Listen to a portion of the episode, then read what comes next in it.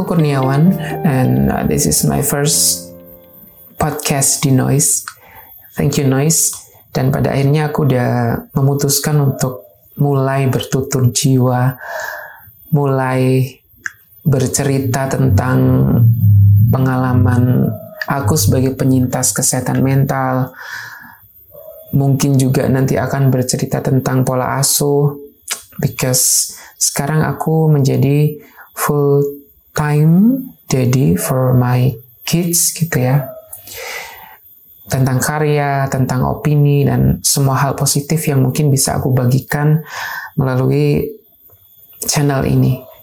Dan mungkin ini salah satu aku cara untuk coping mechanism atau apa ya istilahnya melepaskan stres atau penat gitu ya. Karena kan banyak sekali strategi coping stres ada penerimaan atau acceptance, ada distraction, pengacauan masalah, dan salah satunya mungkin katarsis ya, pelepasan emosi sebagai alat untuk mengurangi ketegangan dari stres.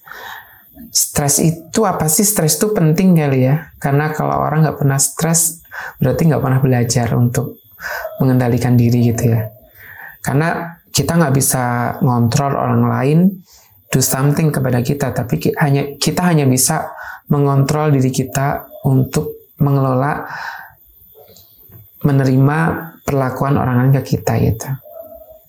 Nah, kalau goalnya apa ya? Mungkin goal aku untuk melakukan podcast adalah ya menjadi pribadi yang punya value uh, semakin baik dari ke hari punya lebih bahagia, lebih menerima, lebih bermanfaat untuk orang lain gitu sih. Dan yang terpenting mungkin harus ninggali legacy yang positif kali ya. Setelah nanti nggak ada. Dan salah satunya adalah podcast di Noise. Teman-teman, apa ya mungkin di podcast pertama ini aku akan lebih banyak bercerita tentang uh, laku jiwa aku sih ya. Dan sebagai disclaimer ini karena aku ngelakuin podcast di ruang kerja, which is aku berada di lingkungan pedesaan yang mungkin ada gonggongan, gonggongan anjing, ada suara motor lewat, kan ini aku di perumahan, ada truk sampah lewat, atau whatever, I don't care about it.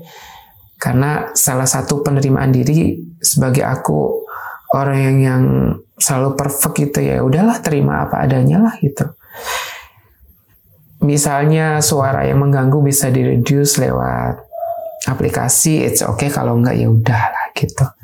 Yang penting message aku tersampaikan dan ada impact setidaknya untuk diri aku sendiri agar lebih wise gitu ya. Dan pagi ini aku nulis sih sebuah status di WA gitu yang uh, apa ya bunyinya gitu yang kalimatnya adalah yesterday I thought I was clever so I want to change people. But today I'm wise. I change myself first. Let people change by themselves not because of me but seeing me better. Kayak gitu nih kayak gitu sih. Jadi uh, ya beberapa waktu lalu aku mungkin berpikiran untuk because I'm smart I'm clever aku bisa mengubah orang lain but ternyata nggak bisa gitu. So this is my first cerita ya tentang tutur jiwaku tentang lagu jiwaku. Uh, jujur aku lagi ngebuka Google foto ya.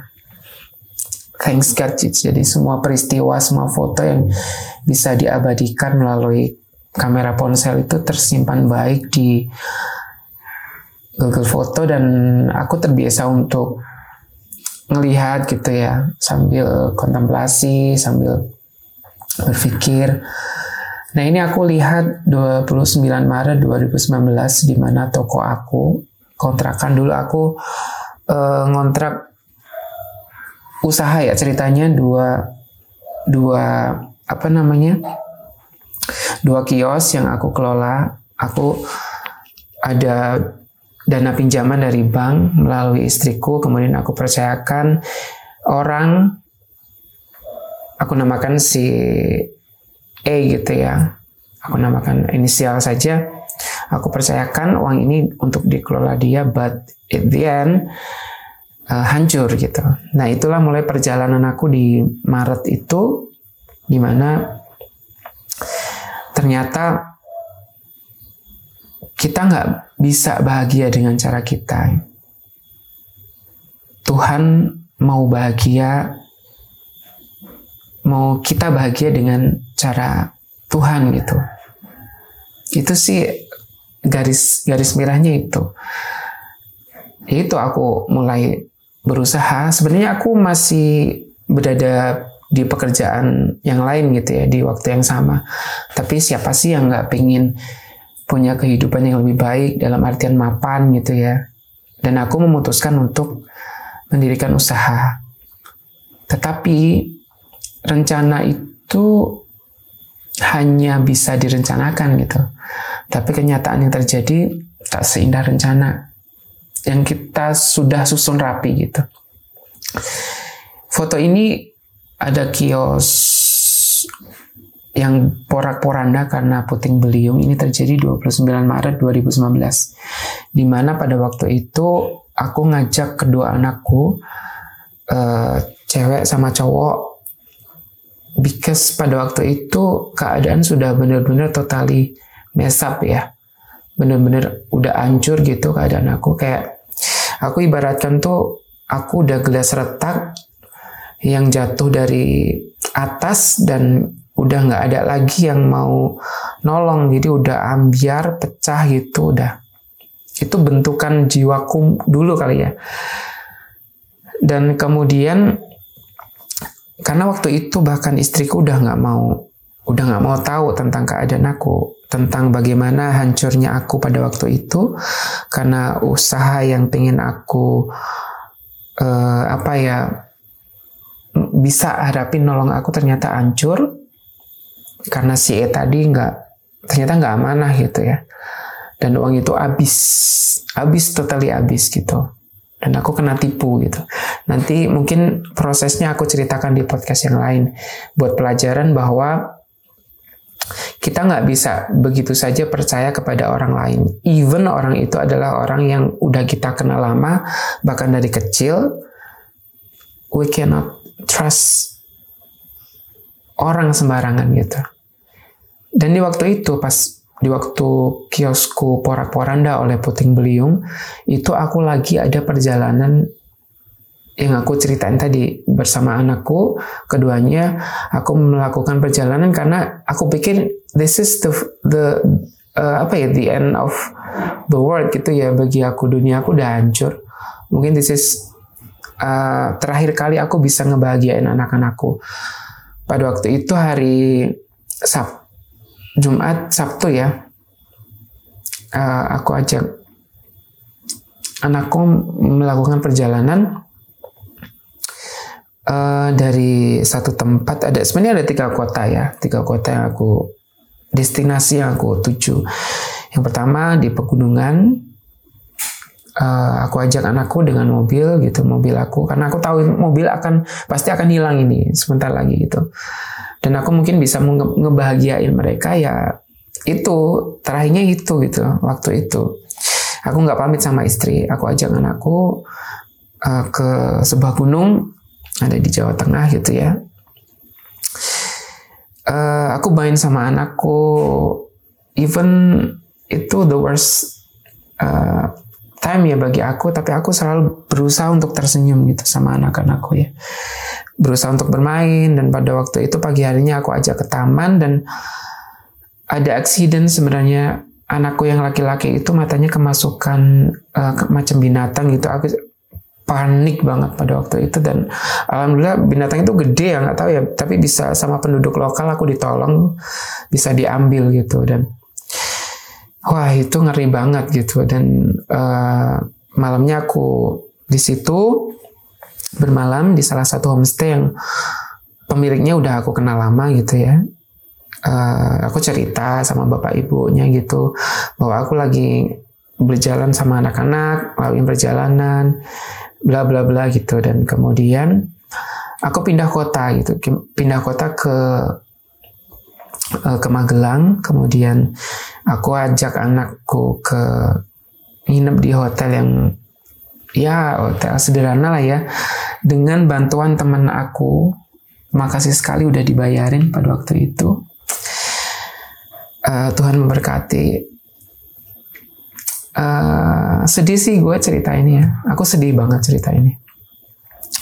Nginep di hotel yang yang seharga 150 ribu kemudian pada pagi harinya aku uh, ajak anak ke sebuah taman gitu. Dan dan pada waktu itu masih ada tuh aku simpen uh, anak-anakku sholat di situ gitu ya. Lampunya hotel mati-mati gitu. Anakku yang cowok bilang ini hotel atau apa sih pi? Kok mati-mati gitu lampunya? Terus kemudian uh, aku bilang sabar ya nak gitu. Uh, besok kita cari hotel yang lebih baik gitu. Habis itu aku pindah lagi ke kota ke Jogja gitu dan aku temukan juga hotel yang lumayan lah ya. Dan ini juga karena bantuan teman aku yang ada di Malang gitu. Uh, tolong aku uh, bayarin ini dulu aku ini bla bla bla gitu. Dan ini bisa ke salah satu hotel yang layak lah ya. And then aku uh, panggil beca jalan-jalan ke Malioboro kemudian aku pulang.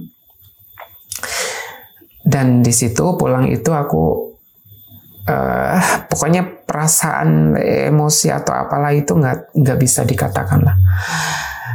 Ini hancur udahlah hancur gitu ya. Terus kemudian di situlah aku mutusin untuk uh, ya udah ini harus diselesaikan gitu. Apa pun apa pun nanti jadinya aku nurut sama keputusan Allah gitu ya. Kemudian aku uh, itu hari Rabu dan malamnya aku ngubungin ipar sih ya ngubungin ipar bahwa aku di salah satu masjid dan pada waktu itu aku ngubunginnya sore iparku itu ada di Semarang kalau nggak salah. Dan it, it takes time ya buat perjalanan dan waktu itu aku di mobil nunggu iparku di salah satu masjid agung gitu ya. Dan pada waktu itu sembari nunggu aku di dalam mobil kehujanan aku nangis nangis nangisnya sampai mungkin ada dua tiga jam gitu. Ya Tuhan ini kenapa bisa kejadian sih sama aku ini? Itu ya. Yang gila ini aku udah nggak sanggup gitu. Mungkin dari skala 0 sampai 10 berantakannya gitu ya. Itu udah 10 gitu. Udah bener-bener gila hancur mezap gitu semuanya. Udah 10 udah mentok gitu. Kemudian kakakku jam setengah 10, or maybe jam 10 datang gitu. Dan aku mulai cerita. Cerita tentang kebodohan aku, cerita tentang kenapa ini bisa terjadi. Aku mulai bercerita karena pada dasarnya aku introvert ya. Introvert yang selalu pengen menyelesaikan sesuatu dengan sendirinya gitu. Gak bisa aku bercerita kepada si A, si B dengan keadaanku seperti ini. I cannot do that gitu. Gak mudah percaya sama orang lain gak bisa. Dan waktu itu aku mulai percaya gitu. Uh, pada akhir cerita iparku terkejut lah bukan kepang ternyata aku udah hancur berkeping gitu loh dari keadaan ekonomi dari keadaan jiwa udah hancur lah pada waktu itu ya udah kita perbaiki bersama gitu. And then itu hari Kamis. Hari Kamis aku masih ke sana kemari ya. Aku uh, apa kula uh, snack di kios gitu. Aku masih itu. Dan pada hari Jumat menjelang maghrib aku udah kehabisan energi kehabisan semuanya. Pada waktu itu aku mau mandi tapi tiba-tiba tubuhku udah nggak bisa respon udah nggak bisa gerak. Aku duduk di kamar mandi kemudian udah mulai gelap-gelap gitu. Uh, aku nggak bisa ngerasain lagi apa pun sensasi di dalam tubuhku gitu ya. Udah pokoknya semakin gelap aja. gitu. Dan pada ujungnya aku mau nangis nggak bisa, mau teriak nggak bisa. Dan menurut cerita aku dibawa ke uh, fase ke satu dalam keadaan yang nangis saya. Aku manggil bapak mulai tidak terkontrol gitu. Kemudian karena fase ke satu nggak bisa nolong, aku dibawa ke fase berikutnya dan aku di situ dirawat tiga hari gitu. Aku tidak bisa mengontrol semuanya. Jadi uh, banyak sekali yang datang tapi aku nggak ngenalin gitu. Ini siapa ya gitu kata istri gitu. Dan di situ aku hanya bisa ingat apa yang apa yang barusan terjadi ternyata aku hancur kayak gini dan aku setiap ada sholawat aku nangis ya kind of pertobatan kali ya di situ. Dengerin almat surat nangis, hanya bisa berpasrah sama Tuhan gitu. Di situ aku di EEG dan hasilnya sangat berantakan EEG ku gitu ya. Yang harusnya biru itu oh udah merah kacau semua gitu. Dan dokter bilang itu dokter syaraf uh, Mas besok aku temenin ya habis habis pulang gitu nanti kontrolnya bareng aku gitu. Iya dok itu. Aku kenapa dok itu? Karena itu ada dokter syaraf, ada dokter mata yang nenganin aku gitu pada waktu itu. And then aku pulang, lah pas balik lagi gitu, dokter sarafnya itu nggak ada. Dia lagi ke Jerman untuk uh, punya seminar atau apa gitu. Dan pada akhirnya aku dirujuk ke dokter dalam sama dokter A gitu ya. Tapi pada waktu itu yang aku rasain itu uh, sakit semua di di di di badanku itu. Jantungku, aku nggak bisa jalan jauh. Uh, ketika aku mikir itu ada sensasi kayak kesetrum kayak gitu ya dari dari ujung kepala sampai ujung kaki. Uh, di dadaku itu kayak uh, kayak tersilet gitu. Entahlah semua pokoknya ngeri lah pada waktu itu. Kemudian aku dirujuk sama dokter A ini ke dokter yang ada di Jogja gitu. Sekali datang 700 800 gitu uang dari mana padahal BPJS nggak bisa gitu ya. Nah pada kesimpulannya dua dokter ini adalah uh, Mas, aku bantu terapi, kamu terkena psikosomatis gitu. Jadi psikosomatis adalah sebuah penyakit jiwa yang di mana uh, jiwa itu udah nggak bisa lagi menerima stres, menerima depres, menerima apa pun yang terjadi. Jadi jadi kebawa ke tubuh gitu sakitnya. Padahal ketika itu aku di EKG juga nggak ada masalah, di apa pencernaanku di USG juga nggak ada masalah. Tapi aku merasa sakit. Ini sakitnya luar biasa gitu. Dan pada akhirnya, uh, aku dirujuklah ke ke psikiater gitu ya di kota yang sama. Aku cerita ke psikiater, bertepatan dia cewek gitu ya. Dan jangan dikata obatku pada waktu itu udah depakot lah, deparzon lah. Yang aku sangat tergantung dari obat itu. Karena kalau aku nggak minum obat itu, aku udah ngerasa mau eh, mati lah ya. Iya, kayak gitu.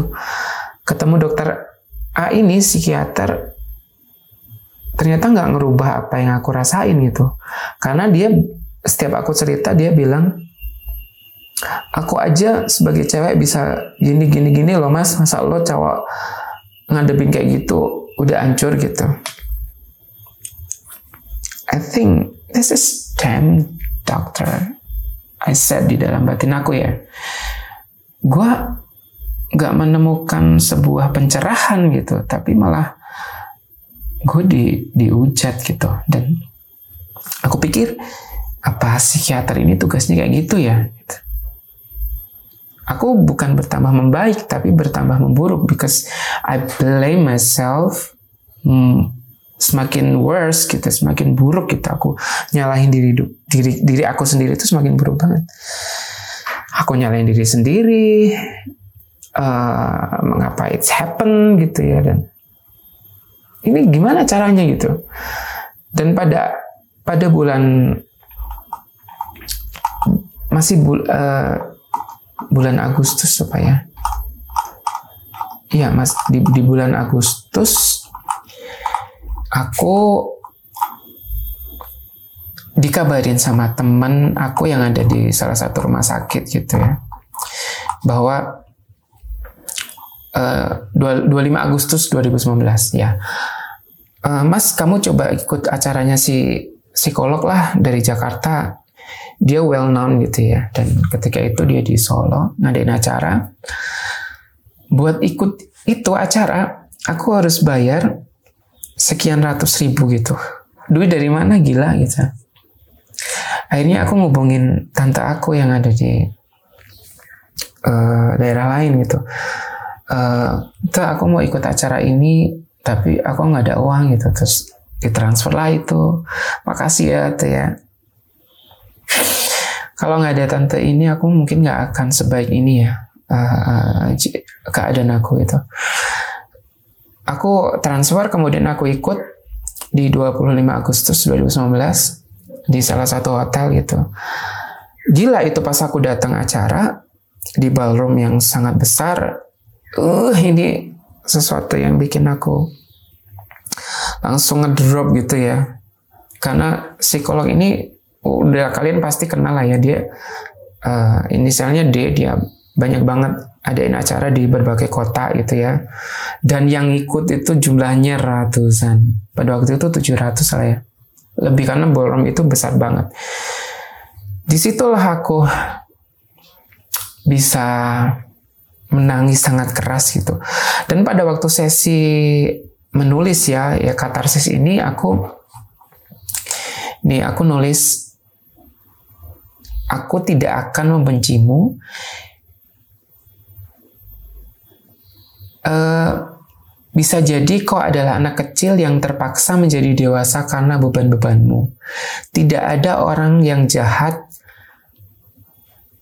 Kau hanyalah luka dari masa lalumu. Kamu adalah baik dan akan tetap baik. Aku akan bahagia dan Tuhan akan bahagiakan aku. Amin. Ini adalah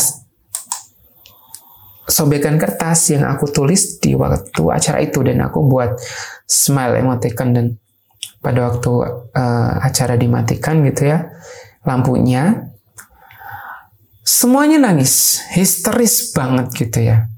But I cannot. Gue hanya diam. Hanya diam waktu acara itu. Ternyata acara itu menggugah aku bahwa ada masukan baru lah tentang ilmu jiwa gitu. Bahwasanya jiwa itu terdiri dari pikiran kita atau mind kita.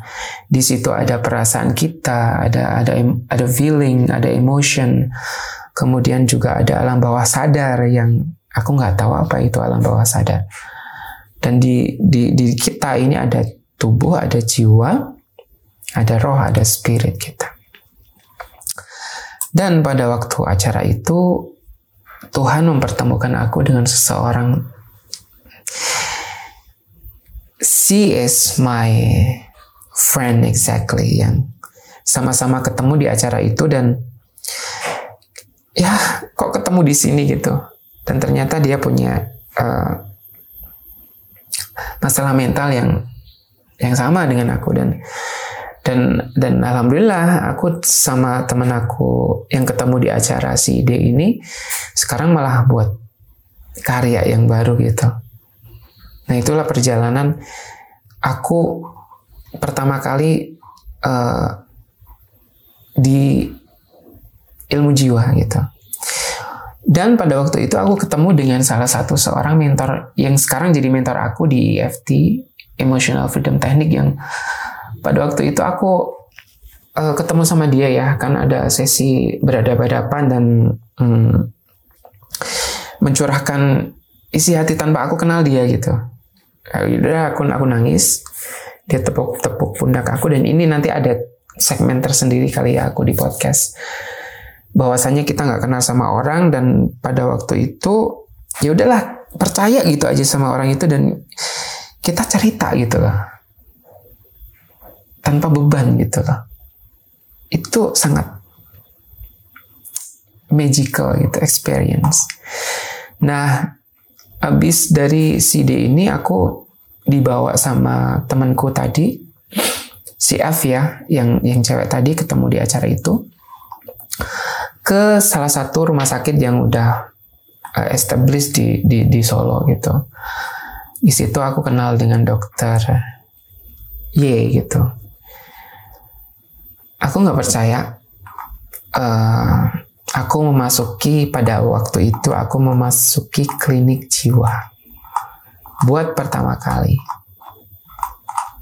Nggak percaya banget gitu aku ketemu psikiater, kemudian aku mulai bercerita tentang apa yang terjadi, dan kemudian nggak tahu juga Tuhan yang gerakin buat uh, dokter ini untuk menerima aku, uh, bersedia mendampingi aku dua tahun perjalanan untuk apa ya aku healing gitu ya. Dan dokter ini, oh makasih banget sih ya dok. Makasih banget gitu ya. Itu 4 Desember 2019. Aku bener-bener gak nyangka bisa masukin, eh ini kenapa aku sampai klinik jiwa gitu ya. Oh, this is, uh, dari siapa ya? Yaudahlah, acceptance-nya mulai itu gitu dan pada waktu itu aku ceritanya ya udahlah aku cerita dari A sampai Z udah nangis nangis lah udah ini udah itu gitu dan pada waktu itu uh, aku lebih nyalahin diri sendiri dan aku nyalahin pasangan aku gitu. Kenapa dia nggak bisa berubah sih gitu seperti yang aku mau gitu? Akan aku udah udah mengubah segalanya aku udah berusaha baik aku udah berusaha ini itu tapi dia tetap aja seperti itu. Dan dokter bilang ke aku mas kamu sekali-kali nggak akan bisa mengubah orang lain. Kamu sekali-kali nggak akan bisa mengubah orang lain. Ubahlah dirimu sendiri kemudian orang lain akan berubah. Seperti yang kamu mau gitu. Jadi orang lain itu akan berubah, mengubah dirinya bukan karena dia, tapi karena kamu yang udah mengubah diri kamu sendiri. Being positive person, vibes kamu positif, so orang lain akan berubah menjadi baik sama kamu. Lah gimana ceritanya kamu aja udah hancur. Kamu di di di tahapan paling bawah secara apa pun ya. Secara kamu sebagai pasangan, secara kamu sebagai ayah, secara finansial kamu dan kamu mau dunia berubah buat kamu. That is impossible. Itu yang dia bilang. ya mulai waktu itu aku mulai berpikir benar juga ya dan itu pun sebenarnya hal sama dikatakan sama uh, psikiater di di di rumah di rumah sakit yang yang jenguk kemarin-kemarin. Tapi aku belum bisa menerima gitu. Dan pada waktu itu aku hanya bisa menerima, oh iya ya, ternyata jika aku nggak berubah, mengubah diri aku sendiri ya, gimana keadaan bisa berubah gitu. Dan pada akhirnya aku ikuti uh, apa yang dikatakan dokter, uh, minum obat, uh, kemudian juga aku pada akhirnya uh, ikuti salah satu program MBCT mindfulness based cognitive therapy itu ya. Jadi terapi mindfulness. Dan di situlah aku kenal dengan mindfulness. Uh, eh, MBCT itu adalah jenis psikoterapi yang melibatkan kombinasi terapi kognitif, meditasi, dan pemeliharaan sikap yang berorientasi pada saat ini gitu loh. Jadi mindfulness itu uh, berpikir pada saat ini. Tidak usah menyalahkan masa lalu dan tidak khawatir dengan apa yang terjadi di masa yang akan datang. Jadi mindful banget. Living in the now gitu. Kalau bahasa kerennya ya. Dan aku uh, berjalan terapi itu berbulan-bulan sampai pada akhirnya uh, di bulan Agustus ya di 2021 uh, aku dibawa ke rumah sakit jiwa ada beberapa profesor gitu yang pada akhirnya aku didiagnosis untuk depresi berulang. Jadi depresi itu tuh udah berulang-ulang. Next podcast mungkin aku akan cerita depresi A, depresi B, depresi C gitu ya. Aku uh, mengidap histrionic, personality disorder, uh, pernah belum kalian mendengar histrionic? Jadi histrionic personality disorder itu adalah gangguan yang ditandai dengan kebutuhan untuk selalu menjadi pusat perhatian. Jadi kalau aku itu nggak jadi pusat perhatian, aku bisa gila. Gila banget gitu ya. Jadi aku harus menjadi supposed to be aku harus menjadi center dari sebuah uh, perhatian pada sebuah komunitas, pada sebuah acara gitu. Kenapa aku bisa menjadi histrionik? Nanti mungkin podcast lain yang akan aku cerita ya. Yang jelas ini karena pola asuh ya. Uh, pola pola pola asuh yang aku jalani dari dari kecil gitu.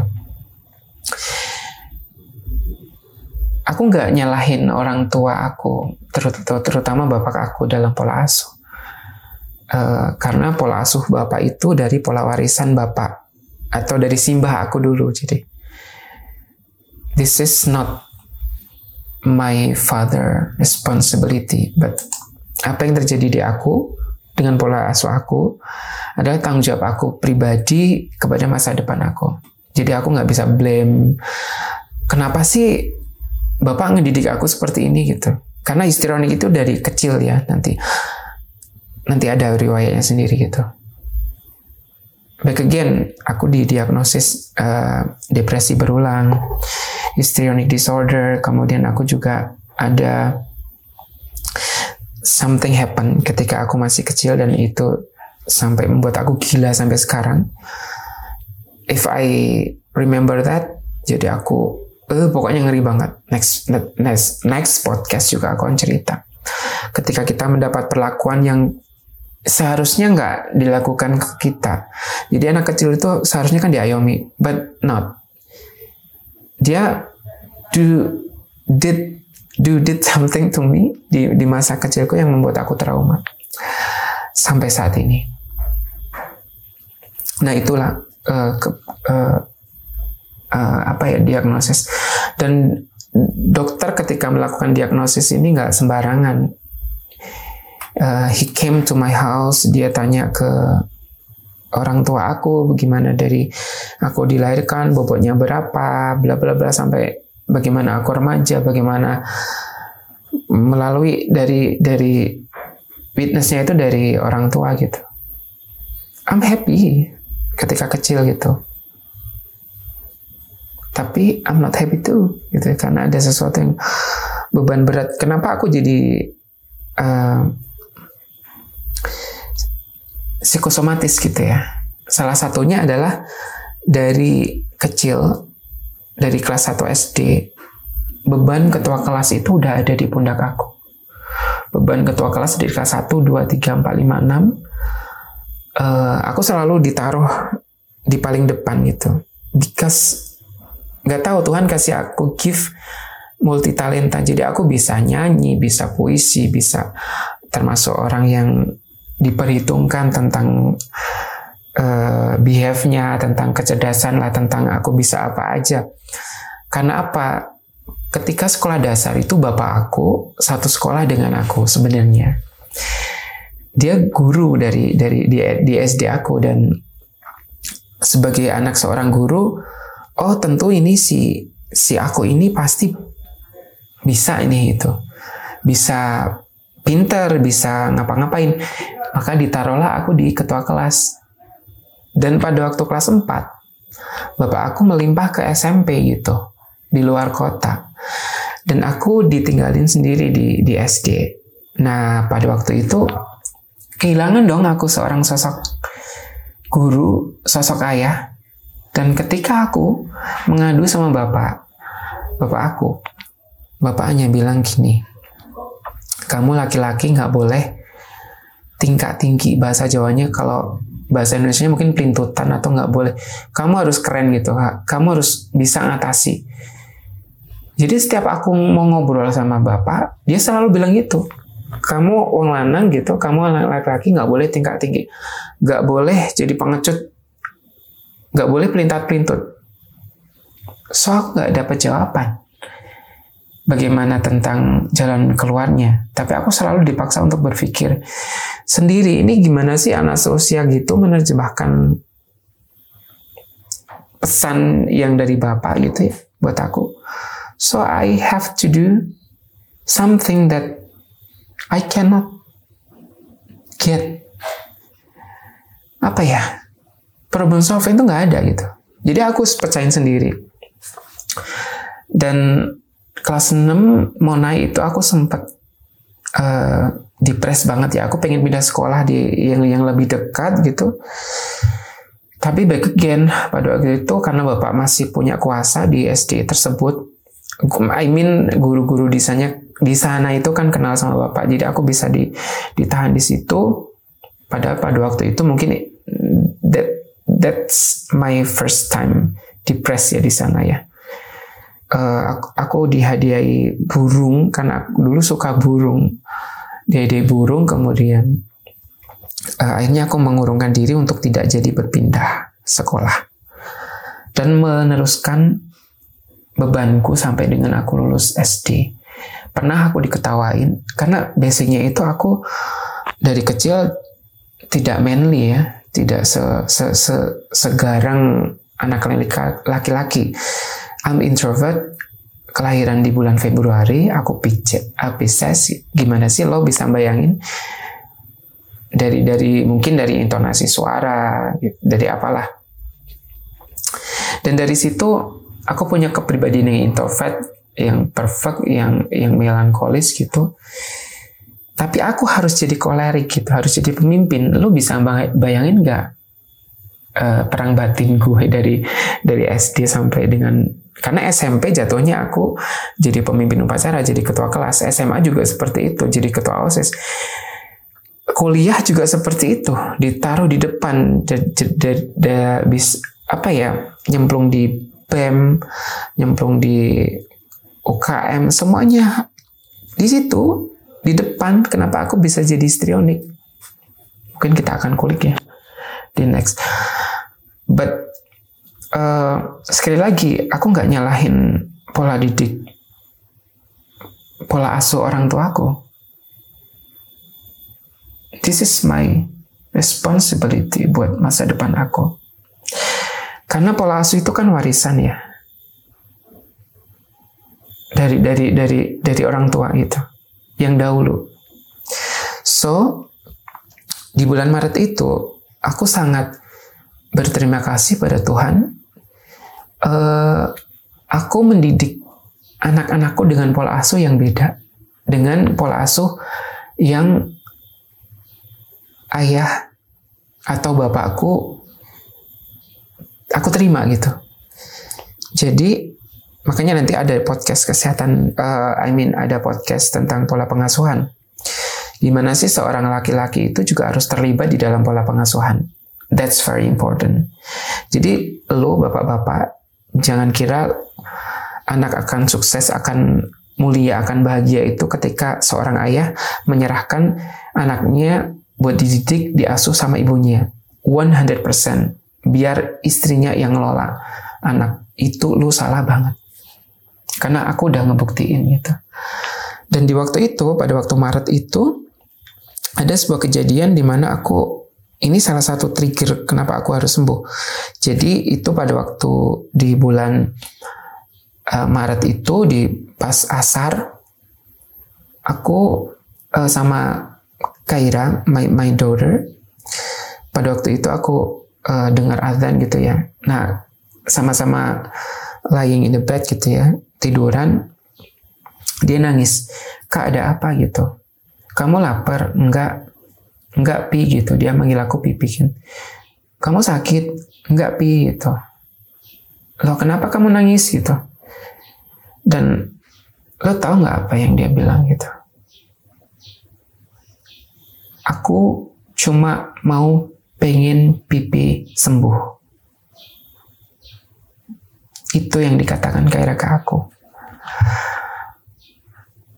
Uh, speechless gua pada waktu itu. Gila sih nggak kalau gua nggak berusaha untuk sembuh. Gimana nasib anak aku?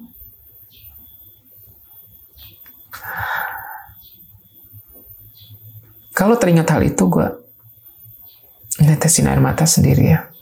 Belum lagi pada hari berikutnya dia ngasih gambaran ke aku di kata VS dia ada ayah, ada ada pipi, ini Mimi, ada Kaito, ada Kaira, digandeng ya gitu dan itu dikasihin ke aku. Oh, sebagai seorang ayah, sebagai seorang laki-laki, ketika anak lo di, lo ngasih kayak gitu, apa yang yang yang lo lakuin itu? Selain untuk berusaha untuk sembuh gitu, gak ada. I have to fight keadaan ini yang yang yang luar biasa minus ini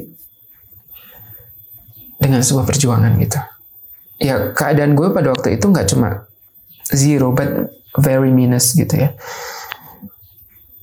Di samping keadaan gue yang ditipu sama ini orang gitu yang udah gue anggap sebagai adik sendiri hancur usaha gue habis itu gue ada kena masalah lagi yang lebih berat jadi misalnya 0 sampai 10 skala gue udah 10 udah udah nggak bisa bertahan lagi. Ini ditambahin lagi yang skalanya 20 gitu. Gue terlibat nanti dalam penggandaan uang lah. Uh, itu ngeri nanti aku ceritain di podcast lain. Ditipu mentah-mentahan dia dia dia dia dia ngaku sebagai orang pinter. And then aku kena masalah lagi setelahnya itu aku kena masalah lagi yang lebih berat. So my life itu not a zero, but very minus. Mungkin minus 40. Kalau bisa aku kasih skala ya. Dalam hidup. Sangat minus pada waktu itu. And I tried to not hanya survive, tapi gue harus bangkit. Dan yang paling uh, uh, membuat aku tersadar itu setelah setelah tadi Agustus aku selesai di RSCD, bahwasanya uh, beberapa profesor Nah, kenapa bisa jadi profesor? Karena dokter ini adalah uh, mahasiswa untuk nanti dia SPKJ ya. Uh, gue sangat berterima kasih sama dokter ya. Dan dia lulus, aku bisa bawa dia, bantu dia jadi SPKJ. Sekarang ada di Batam dan uh, keputusannya aku harus masih intensif uh, didampingi oleh psikiater meneruskan pengobatan till two years gitu dan well done gitu I self myself gitu dan ada satu cerita yang membuat aku teringat sampai sekarang pada waktu itu kan ada jadwal aku untuk melakukan psikoterapi ya pagi itu aku ada makan di warung berderet gitu dan biasanya nggak cuma pasien tapi dokter itu ada di situ semua gitu Nah, pagi itu aku makan soto gitu kan. Karena aku pengen yang segar. Kemudian penjaga warung manggil gini, dok maunya apa dok? Uh, aku pilih soto bu gitu. Uh, udah selesai dok, udah. Ini dok ininya uh, apa namanya? Dia panggil aku tuh dok. Dokter gitu ya. Terus kemudian aku diem aja ini ibu dalam batiku sih aku ketawa ya. Ini gila gue orang gila disebut dokter gitu ya and then kemudian aku naik lift untuk ke lantai atas untuk MBCT aku termenung. Ibu tadi manggil aku dok itu maksudnya dokter atau dok anjing gitu. Mungkin anjing kali ya gue gitu. Dan itu pengalaman yang gak pernah gue lupain sampai sekarang itu. Bagaimana orang itu nggak cuma bertahan dari sesuatu yang udah ambruk. Dia harus survive dia harus berdaya. Kalimat berdaya inilah yang nanti pada akhirnya menjadi underline hidup gua setelahnya gitu. Betapa di bulan Maret 2021 itu aku kenal sama seseorang yang mulai mengubah hidup aku. Nanti ada di podcast selanjutnya. So, this is my first podcast tentang perjalanan gue yang tangis, tawa, bahagia, apa lah, semacam campur aduknya emosi dalam menjalani semuanya gitu.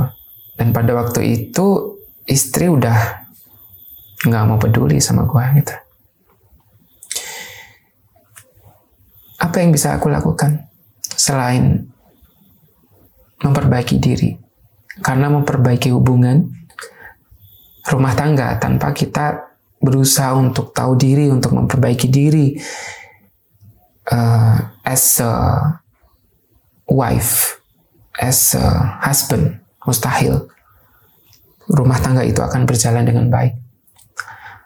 Jadi sebagai seorang suami gue harus mindful gitu ya. Makanya gue nanti akan membuat sebuah mindful parenting juga ada.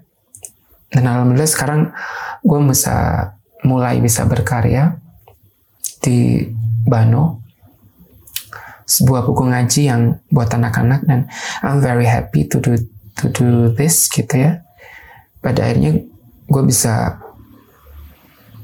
berdaya gue bisa bangkit. Tuhan itu tahu caranya kapan menjatuhkan kamu kapan mengangkat kamu kapan membahagiakan kamu.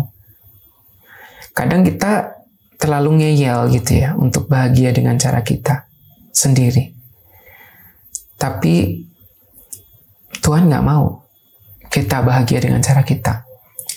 Tuhan mau kok kita bahagia, tapi dengan caranya.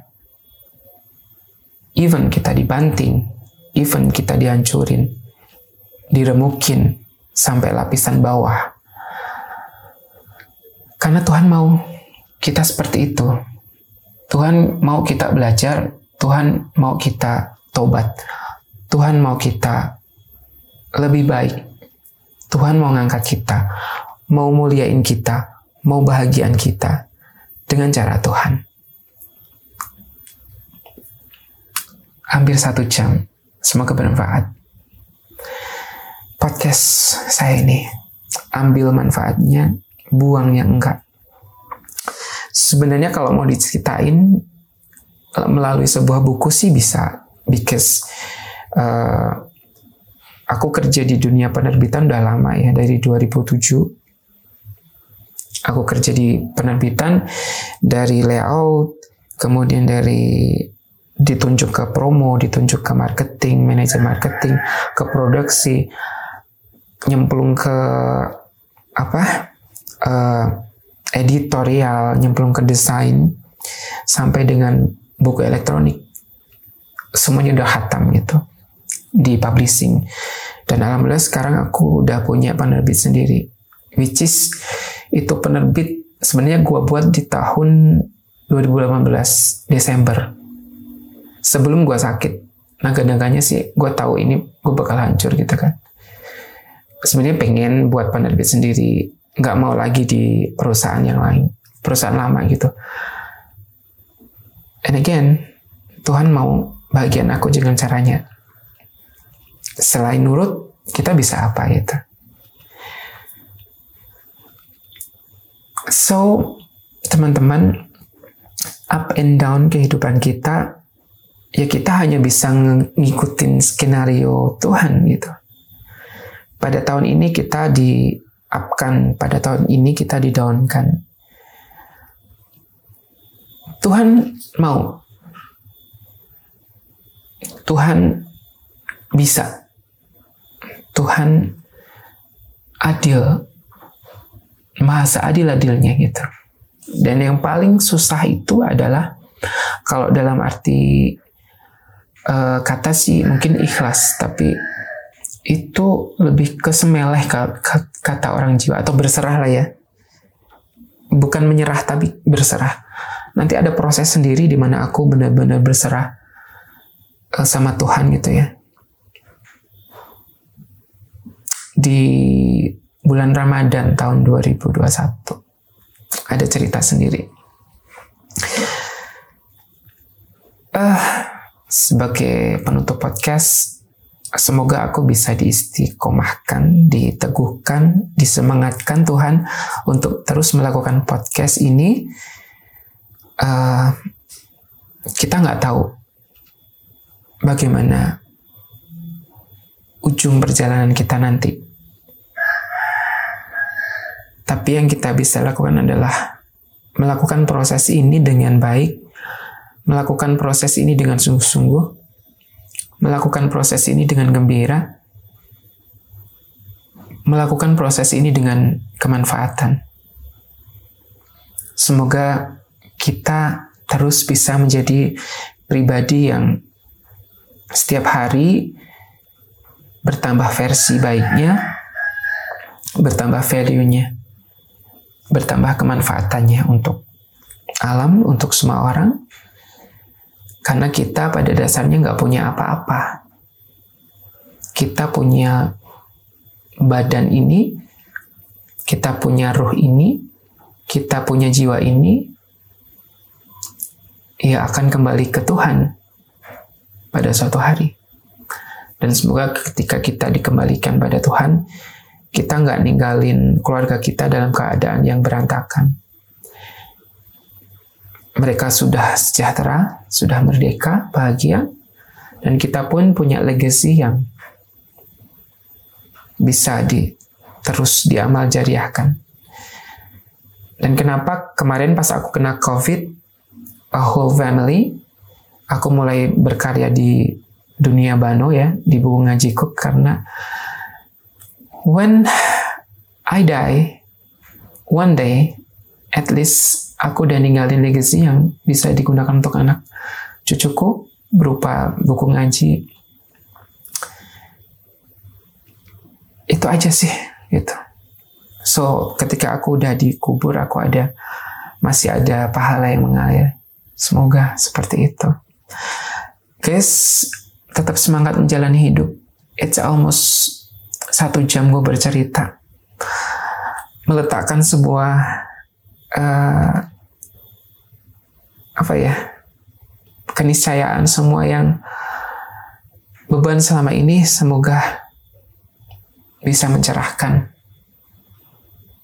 untuk kehidupan kita di masa yang akan datang. Saya tutup sehat selalu, bahagia selalu jiwa dan raga. Assalamualaikum warahmatullahi wabarakatuh. Saya undur diri.